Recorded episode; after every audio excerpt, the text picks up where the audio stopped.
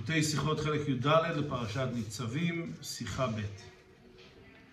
רש"י בפירושו לפסוק תפכם נשיכם וגרך אשר בקרב מחניך, מחוטב עציך עד שואב מימיך, מעתיק התיבות מחוטב עציך, ומפרש, מלמד שבאו כנענים להתגייר בימי משה כדרך שבאו גבעונים בימי יהושע, וזהו האמור בגבעונים, ויעשו גם המה בעורמה, ונתנה משה חוטבי עצים ושואבי מים. כי בפסוק נאמר, מחוטב עציך ועד שואב מימיך. מי הם אותם חוטבי עצים ושואבי מים, שהפסוק מגדיר אותם בתור קבוצה בפני עצמה? הרי הפסוק פותח, אתם ניצבים היום כולכם, ראשיכם, שבטיכם, מדבר על קבוצות בתוך בני ישראל, ואז מגיע מחוטב עציך ועד שואב מימיך. מי הם אלה? אומר רש"י, הם הכנענים שבאו להתגייר בימי, בימי משה, כמו הגבעונים בימי יהושע. לכן כשנאמר בגבעונים שהם באו להתגייר, ביקשו להתגייר, אז כתוב, אה, ויעשו גם המה, גם המה, כלומר בהמשך לכנענים. ומשה רבינו הפך אותם, נתנם לחוטבי עצים ושואבי מים, וזה הכוונה מחוטב עצמך ועד שואב ממך. וכתבו המפרשים, כוונת רש"י, כמו שכתוב בתנחומה, מלמד שבאו הגבעונים אצל משה ולא קיבלן, שנאמר ויעשו גם המה בעורמה וגומה. מהו גם המה? למדך, למדך שבאו אצל משה ולא קיבלן. ופה לא קראת משה עמהם ברית, אלא שנתנה משה מיד חוטבי עצים ושואבי מים. ראינו שנשארו עבדים לבני ישראל.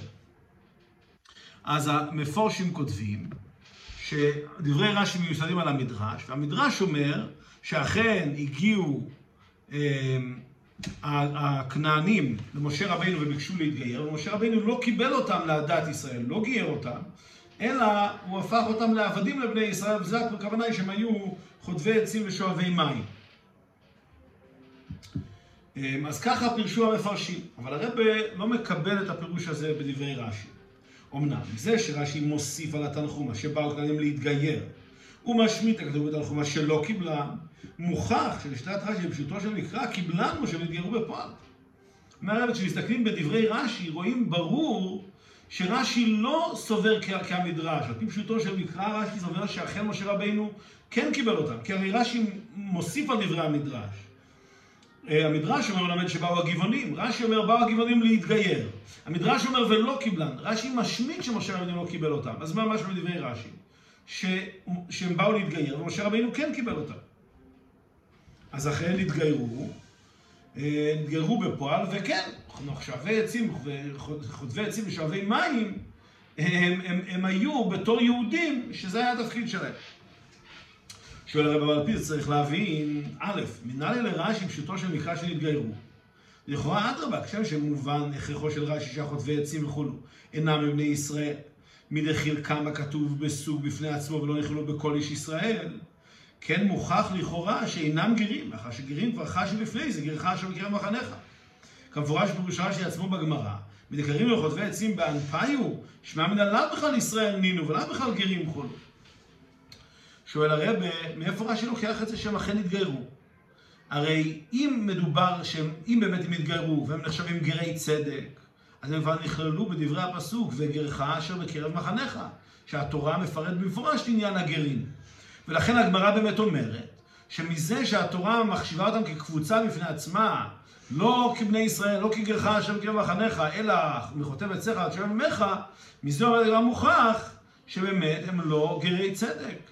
וזו קבוצה בפני עצמה. אז למה רש"י בוחר דווקא לפרש שמשה רבינו כן קיבל אותה? ב', מהי כוונת רש"י בכותבו מלמד שבאו כנענים וכו', ולא כאמר כנענים באו להתגייר וכו'. למה רש"י פותח במילה מלמד שבאו כנענים? כאילו הפסוק הזה בא ללמד אותנו את העובדה הזאת. למה הוא לא אומר פשוט? מי הם חוטבי עציך ושואבי מימיך? הם אלו הכנענים שבאו להתגייר. מה זה המלמד? מה באנו ללמוד כאן? ג' למה מעתיק בראייה ממה שכתוב ביהושע ויעשו גם המה תיבת בעורמה, הרי גם בן אדם מובנת וברורה ראייתו. למה רש"י צריך להוסיף את המילה בעורמה? מספיק שהוא אומר, כמו שכתוב בגבעונים, ויעשו גם המה. וממילא מובן שהם עשו את זה בהמשך למישהו אחר. המילה בעורמה כאן לכאורה לא נוגעת, כי, כי כאן לא מדברים על זה שהכנענים עשו משהו בעורמה. אז זה שלושת השאלות על רש"י. מבאר הרבה, הביאור בכל זה. פשוטו של מקרא מוכח שכותב סכר עד שיום ימיך הם חלק מעם ישראל. כי הרי תכף ומיד נפרש הכוונה של כל אתם הניצבים שבהם כלולים כל הסוגים הנמנים בקרא, שהיא לא בריכה בברית השם אלוקיך ובעלתו, אשר השם אלוקיך קוראת עמך היום גם. היינו בברית לקיום המצוות, ומזה מוכח שהחוטבי עצים וגומר, או שהם בכלל בני ישראל, או שהם בכלל גרים. ואם לא כן, אלא שהם עבדים וכיוצא בזה, אין להם שייכות על פי דרך הפשט לעבור בברית כל המצוות. אומר הרב ככה, רש"י בפשוטו של מקרא, יש לו ראייה מוכחת לכך שחוטבי עציך לך הם בני ישראל. והיא, שהרי מה זה אתם ניצבים היום, מחוטב עציך ועד שואב ממך? לא עברך בברית השם אלוקיך ובעלתו. זה כריתת הברית בבני ישראל לקדוש ברוך הוא. הקדוש ברוך הוא לבני ישראל. אז אם כן פשוט שמדובר על בני ישראל, על יהודים, חלק מעם ישראל. ומזה למד רש"י פשטות, שמשה רבינו כן קיבל אותה.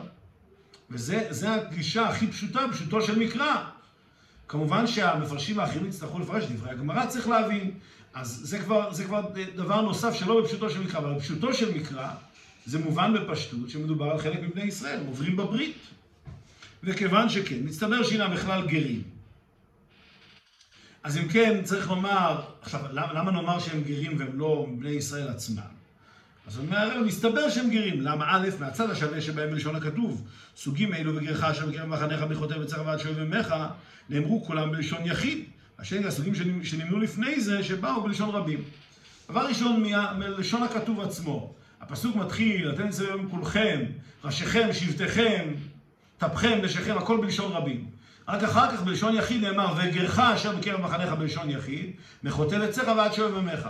אז מזה שדווקא אלה נאמרו בלשון יחיד, מסתבר שחוטבי עצים ושואבי מים הם גם כן גרים, ולכן שלושת הסוגים האלה, גרך, חוטבי עצים ושואבי ממך, נאמרו בלשון יחיד. אז מה זה שלושת הקבוצות האלה? מסביר הרב ב' מסגנון הלשון מחוטב עציך עד שואב ממך. מוכרח שנמשיך בזה לפרש פרטים מה שכתוב לפני זה, וגרך אשר בקרב מחניך. אז הרב לומד כאן את הפשט כך. הפסוק נאמר, וגרך אשר בקרב מחניך, מחוטב עציך עד שואב ממך.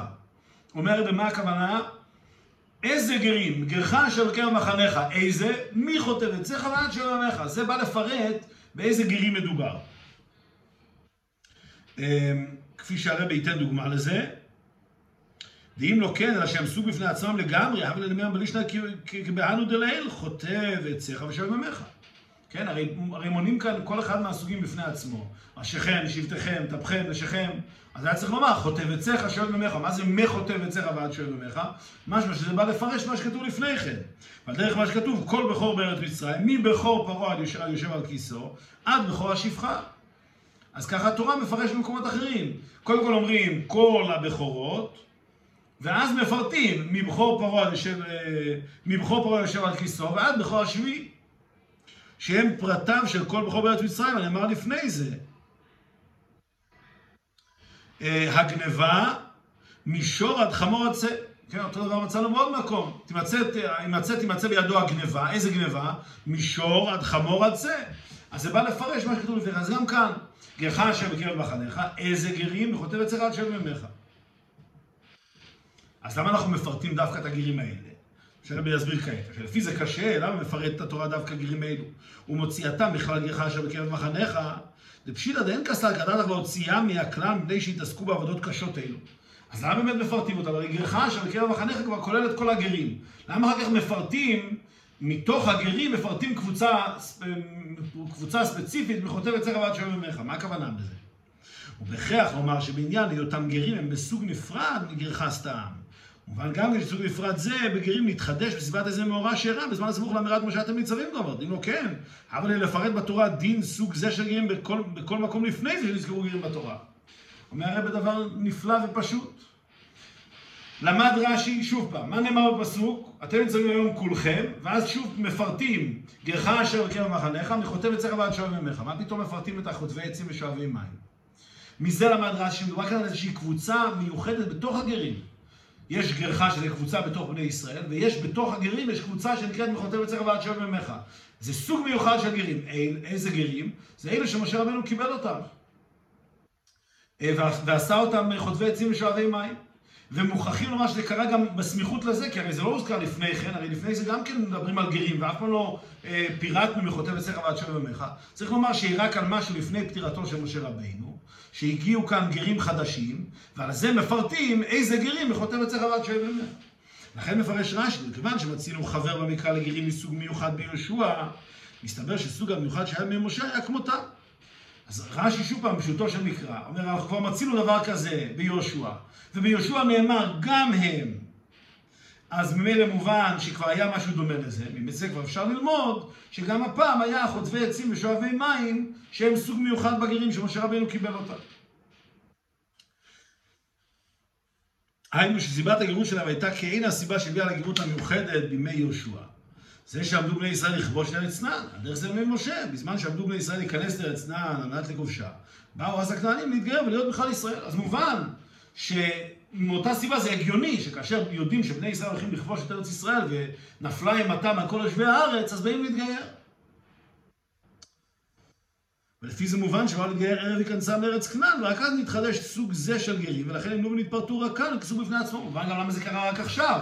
מכיוון שכעת בני ישראל הולכים להיכנס לארץ כנען, אז כמובן שיש קבוצה של כנענים שבאו להתגייר. אז מילא דברי רש"י מובנים בפשוטו של מקרא. אבל עדיין לא מובן, מה נפקא מינה, מאיזה סיבה נתגרו? הרי סוף סוף גרים הם ככל הגרים, למה נמנו סוג בפני עצמו? למה באמת אנחנו הופכים אותם לגרים כאלה שהם קבוצה בפני עצמם, מחוטב עציך ועד שואב ממך? לכאורה הם גרי צדק, אז uh, צריך לזכור אותם ולמנות אותם כחלק מגרי הצדק. למה צריך למנות אותם כקבוצה בפני עצמם? ואין לומר שבא לשלול כסר כדאיתך לומר שאינם נכללים בגרך וגומר. איזה טעם לשלול כסר כדאיתך כזו? למה שנחשוב שלא נכללים בגרים הרגילים? וכי מפני שבאו להתגייר בימי משה וכולו, יעלה על הדעת שאינם נכללים בגרך אשר בקרב מחניך? מה פתאום? משה רבינו זה שגייר אותם. מטעם זה מדייק רש"י בתחילה, בתחילת דיבורו, מלמד שבאו כללים להתגייר בימי משה. הוא ממשיך לבאר כדרך שבאו גבולים בימי יהושע, כלומר, שזה שהתורה מפרטת אותם בסוג שונה, כוונתה ללמדנו, לספר לנו שבאו כללים להתגייר בימי משה חולו, וכמה וכמה עניינים לא אמרה התורה במפורש, כי אם ברמז, ככל המאורעות המסופרים בתורה. זה הפירוש מלמד שבאו הכללים. התורה כאן באו ללמד אותנו, כי בעצם למה התורה מונה אותם בפני עצמה? זה שהתורה מונה אותם כקבוצה בפני עצמה, זה בא ללמד אותנו שבאמת היה כזה מקרה.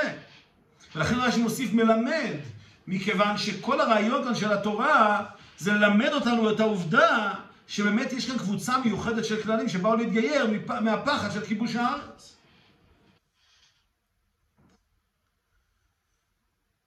אז זה עצמו אומר רש"י, למה באמת מונים אותם בפני עצמם? לכאורה הם גרים, אז צריך למנות אותם בכלל הגרים.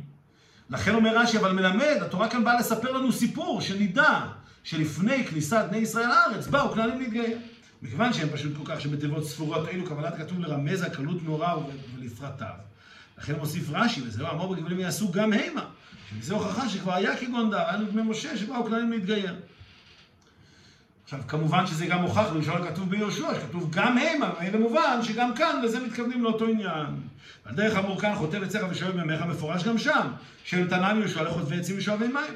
הרי מבין שני הפסוקים יחדיו מתברר אופנה מיוחד של גירות זו. את הכוונה, מה שכתוב בחוטב אצלך וגומר. עכשיו, כאשר מסתכלים גם בפרשתנו וגם בספר יהושע, ורואים שהתורה מקשרת בין שני העניינים, גם פה חוטבי עצים ושואבי מים, גם שם, גם שם נאמר גם המה, וכאן התורה מפרטת אותם בקבוצה בפני עצמה, למדנו מכל זה באמת שהסיפור שהיה בימי יהושע קרה כבר לפני כן בימי משה רבינו. אמנם יש עוד להקשות בזה.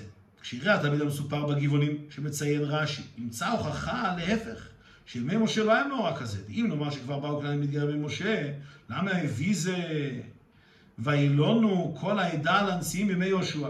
הרי עשו כהוגן, כמו שעשה משה. ועוד אבל אלו יהושע לענות להם, כן עשה משה.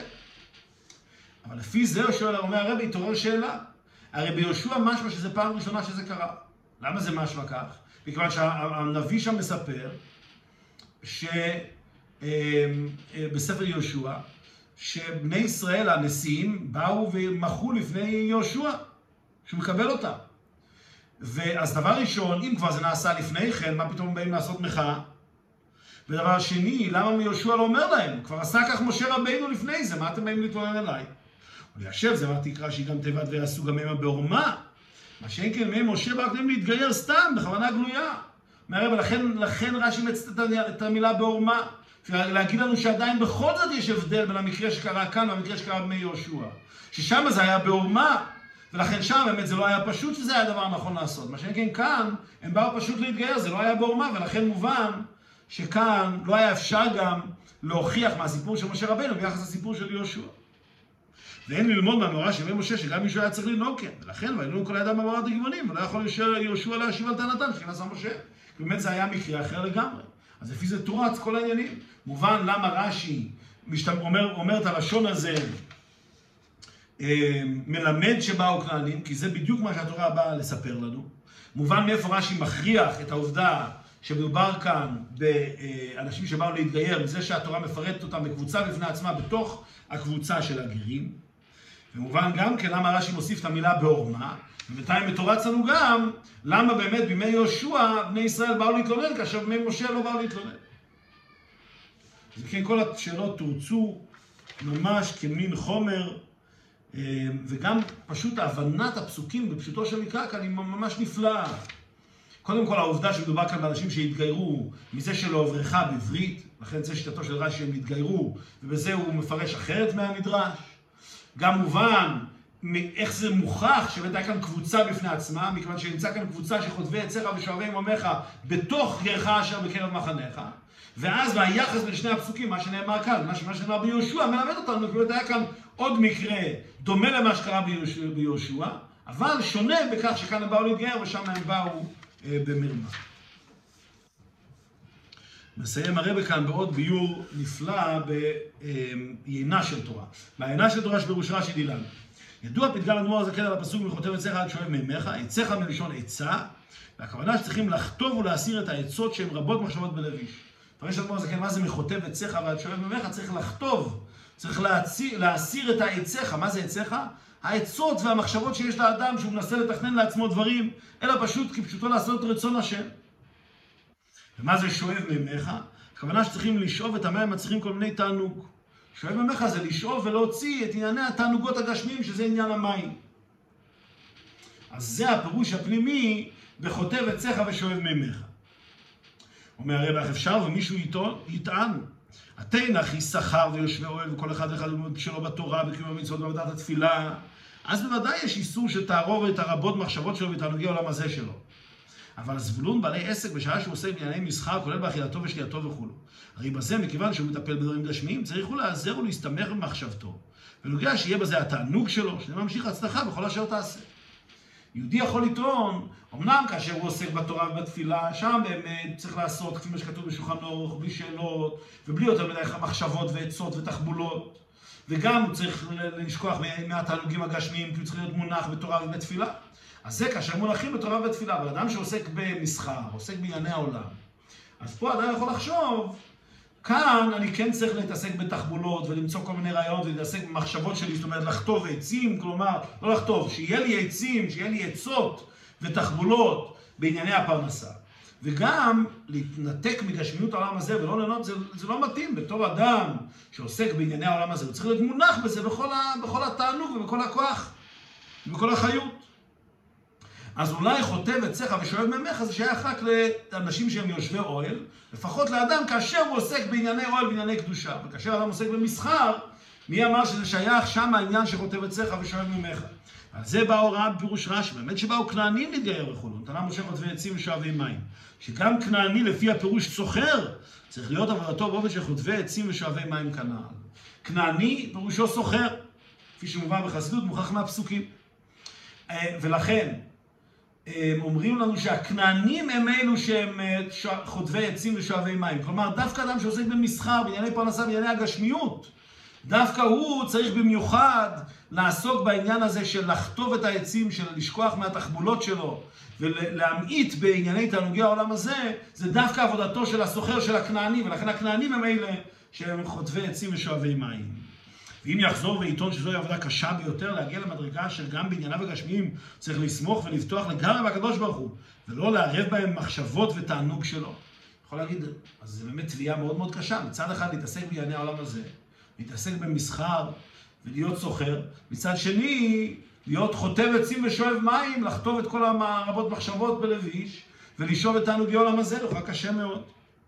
עונה אומר רמז רש"י, הוא נתנה משה חוטבי עצים ושואבי מים. שהכוח הזה בא מצד בחינת משה שבכל אחד ואחד. אז זה התירוץ הוא, שמשה רבינו וכפי שלומדים בחסידות, בתניא, האדמו"ר זקן מבאר בתניא באריכות, שבחינת משה מאירה אצל כל אחד ואחד, ועל ידי זה שיש אצל כל אחד ואחד בחינת משה, הוא יכול לעורר בעצמו כוחות נפלאים. אז משה רבינו זה שנתנם חוטבי עצים ושואבי מים. כוחו של משה רבינו, בחינת משה שבנשמה, היא זאת שמאפשרת ליהודי לחטוב את העצים שלו ברוחניות ולשאוב את המים, את התענוגים בענייני הגשמיות. ולגבי משה, שבנשמת כל אחד ואחד מישראל, גם עבודה הנ"ל, מילתא זוטרתא היא. כפי שמבואר בתניא, שלגבי משה מילתא זוטרתא היא, שהעבודה של משה רבינו, מכיוון שבחינת משה מאירה אצל כל יהודי בנשמתו, אז לכן העבודה של משה רבינו היא מילתא זוטרתא, היא דבר קטן ביחס לכל יהודי. אז גם העבודה הזאת, של לחטוב עצים ולשאוב את המים ברוחניות, על ידי זה שאדם מקבל מבחינת משה ומאיר אצלו כוחו של משה רבינו, על ידי זה הוא יכול להיות חוטב עצים ושואב מים בצד החיובי של העניין, ברוחניות, להתפטר מהתחבולות והמחשבות שלו ולמעט בענייני התענוגים של עולם הזה.